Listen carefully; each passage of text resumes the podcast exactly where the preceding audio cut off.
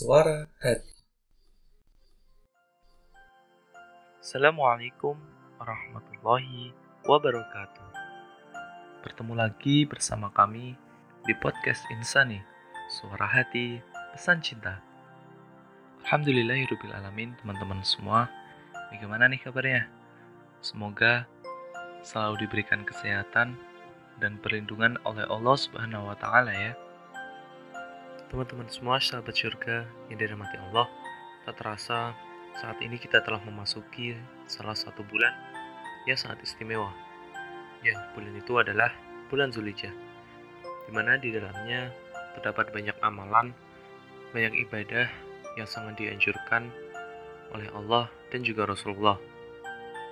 Salah satu ibadah yang sangat dianjurkan yaitu ibadah kurban.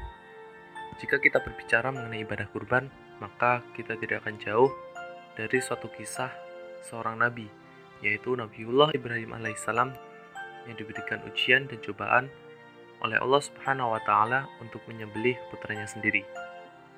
Namun, sebelum itu Nabiullah Ibrahim alaihissalam juga telah diberikan cobaan yang lainnya, yaitu berupa kesulitan dalam memperoleh keturunan. Namun pada akhirnya Nabi Ibrahim alaihissalam dikaruniai seorang putra yang bernama Nabi Ismail. Namun, pada saat Nabi Ismail alaihissalam menginjak balik, Allah Subhanahu wa taala memerintahkan Nabi Ibrahim alaihissalam untuk menyembelih putranya sendiri melalui mimpi yang berulang hingga tiga kali.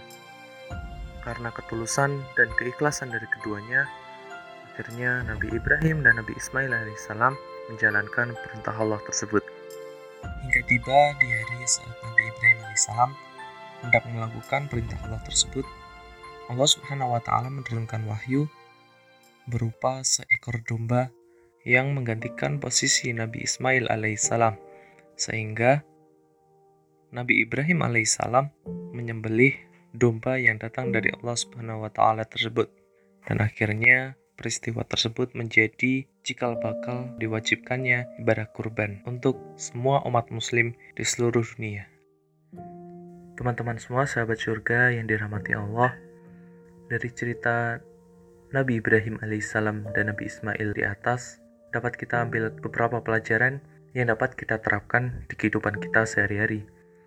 Yang pertama adalah kita harus sabar dalam menghadapi segala ujian dan cobaan yang diberi Allah kepada kita. Kenapa? Karena sabar itulah yang akan menjadi kunci bagi kita untuk lulus dari ujian yang Allah berikan. Dan kita juga harus menanamkan dalam diri kita masing-masing bahwa Allah Subhanahu wa Ta'ala itu tidak akan menguji hambanya di luar kemampuan hamba tersebut. Nah, ini sesuai dengan Quran Surah Al-Baqarah ayat 286 yang artinya Allah tidak membebani seseorang melainkan sesuai dengan kesanggupannya. Nah, maka dari itu kita harus berpikir nih bahwa setiap ujian yang kita hadapi pasti bisa kita lalui. Tinggal bagaimana usaha dari kita dan kemauan dari kita sendiri untuk menghadapi ujian tersebut. Nah, contohnya nih, kita pasti pernah kan diberikan tugas oleh dosen kita. Kemudian di sisi lain kita juga memiliki amanah di organisasi yang harus diselesaikan pada saat itu juga. Ditambah lagi, kita juga mengikuti lomba-lomba yang mungkin deadline-nya itu mepet atau sama seperti tugas kuliah kita dan juga amanah di organisasi kita. Nah, di situ kita harus tetap tenang dan sabar dalam menghadapinya. Dan juga kita dituntut untuk ikhlas dalam menjalani segala yang dibebankan kepada kita itu selesaikan sedikit demi sedikit dan jangan lupa untuk memohon kemudahan kepada Allah Subhanahu wa taala karena kita tidak bisa berbuat apa-apa tanpa pertolongan dan kekuatan yang diberikan oleh Allah kepada kita. Nah, sahabat surga semua, yang selanjutnya Allah Subhanahu wa taala itu menurunkan ujian kepada kita untuk menguji tingkat keimanan yang kita miliki. Apakah iman kita itu kuat atau hanya sekedar biasa-biasa saja. Nah, dengan adanya ujian ini juga dapat membuat kita naik ke tingkat keimanan yang lebih tinggi. Kenapa? Karena keimanan itu ada tingkatannya teman-teman semua. Ada yang dasar hingga yang paling tinggi. Sebagaimana seperti saat kita bersekolah. Jika kita ingin naik ke kelas yang lebih tinggi, maka pasti di situ ada ujiannya. Dan semakin tinggi kelas yang kita tempati, maka ujian itu akan lebih susah. Nah, sama seperti tingkat keimanan. Apabila tingkat keimanan kita lebih bagus, maka ujian yang akan kita hadapi akan menjadi lebih berat.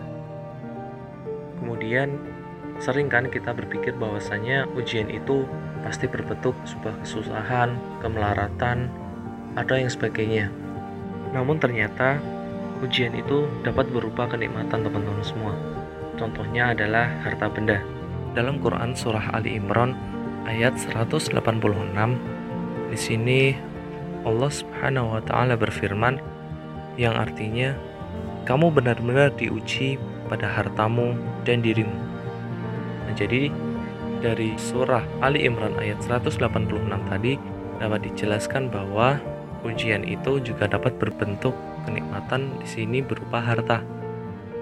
Nah, jika kita berbicara mengenai harta, sungguhnya harta itu kan titipan ya teman-teman semua. Jadi, suatu saat harta itu atau kenikmatan itu akan kembali kepada Allah. Tinggal kitanya aja nih, apakah kita ingin mengembalikannya dengan cara baik, dengan cara buruk, atau justru Allah lah yang akan mengambilnya sendiri. Contohnya dengan adanya bencana alam. Maka dari itu teman-teman semua, kita juga harus bersabar dalam memaknai kenikmatan. Jangan kita tergiur untuk menggunakan kenikmatan itu untuk jalan yang salah, hingga akhirnya kita termasuk ke dalam orang-orang yang berdosa. Nah, contohnya adalah saat kita diberikan harta yang melimpah, uang yang banyak, apakah kita akan membelanjakan harta tersebut pada jalan yang baik, pada jalan benar, untuk bersedekah, ataukah untuk jalan keburukan, untuk berfoya-foya, membeli sesuatu yang haram, atau sebagainya. Nah, di sini setan juga berperan, teman-teman. Setan akan selalu memprovokasi kita untuk membelanjakan harta atau menggunakan kenikmatan yang ada pada diri kita untuk sesuatu yang batil, yang justru akan membuat kita sengsara dan akan merugikan diri kita sendiri. Untuk itu, teman-teman, kita juga harus bersabar dan juga berhati-hati dalam menggunakan kenikmatan dan harta yang kita miliki, teman-teman semua, agar kita semua dapat terjauh, terhindar dari murka Allah Subhanahu wa taala. Sahabat surga, teman-teman semua yang dirahmati Allah, sekian yang dapat kami sampaikan pada podcast kali ini. Semoga apa yang sedikit ini dapat bermanfaat bagi kita semua. Apabila dalam penyampaian podcast kali ini kami terdapat banyak kesalahan, kami mohon maaf yang sebesar-besarnya. Wassalamualaikum warahmatullahi wabarakatuh.